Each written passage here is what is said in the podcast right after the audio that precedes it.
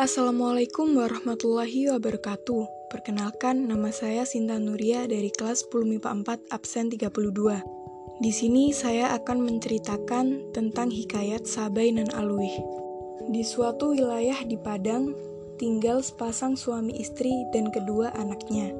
Sepasang suami istri itu ialah Raja Babanding dan Sadun Saribai.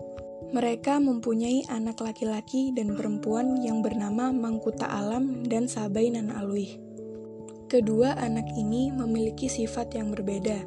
Sabai sering kali membantu ibunya di rumah, sedangkan Mangkuta sering kali bermain layang-layang hingga kulitnya berwarna hitam karena sinar matahari. Berbeda dengan penampilan adiknya, Sabai mempunyai paras yang cantik dan rupawan. Bahkan kecantikannya diketahui oleh semua orang, termasuk Raja Nan Panjang. Raja Nan Panjang adalah seorang pria tua kaya yang sering memeras rakyat namun sangat disegani di kampung Situjuh. Raja Nan Panjang mengirimkan pengawalnya ke rumah Raja Babanding untuk melamar Sabai Nan Alwi. Namun, lamaran itu ditolak dan Raja Babanding bahkan menantang Raja Nan Panjang untuk bertarung. Rajanan Panjang pun menerima tantangan itu. Ia pun datang dengan pengawalnya dan perkelahian itu rupanya berlangsung lama. Namun para pengawal telah tumbang lebih dulu.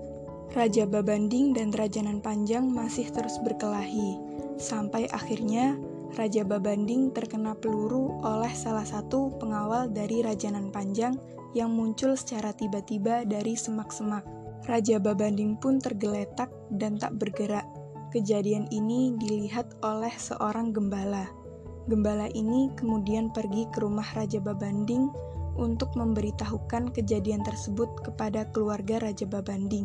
Sesampainya di rumah Raja Babanding, gembala itu bertemu dengan Sabai dan memberitahu kejadian itu. Sabai pun berlari ke tempat kejadian. Di tengah jalan, Sabai bertemu dengan Raja Nan Panjang dan pengawalnya.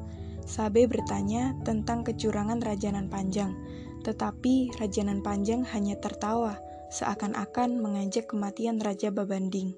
Sabai pun tidak bisa menahan amarahnya. Saat itu juga Sabai langsung menarik pelatuk senapan yang ia bawa dari rumah. Peluru mengenai dada Raja Nan Panjang, dan ia terjatuh dari kuda. Pengawal Raja Nan Panjang pun langsung berlari. Sabai pun berlari menuju ke tempat ayahnya.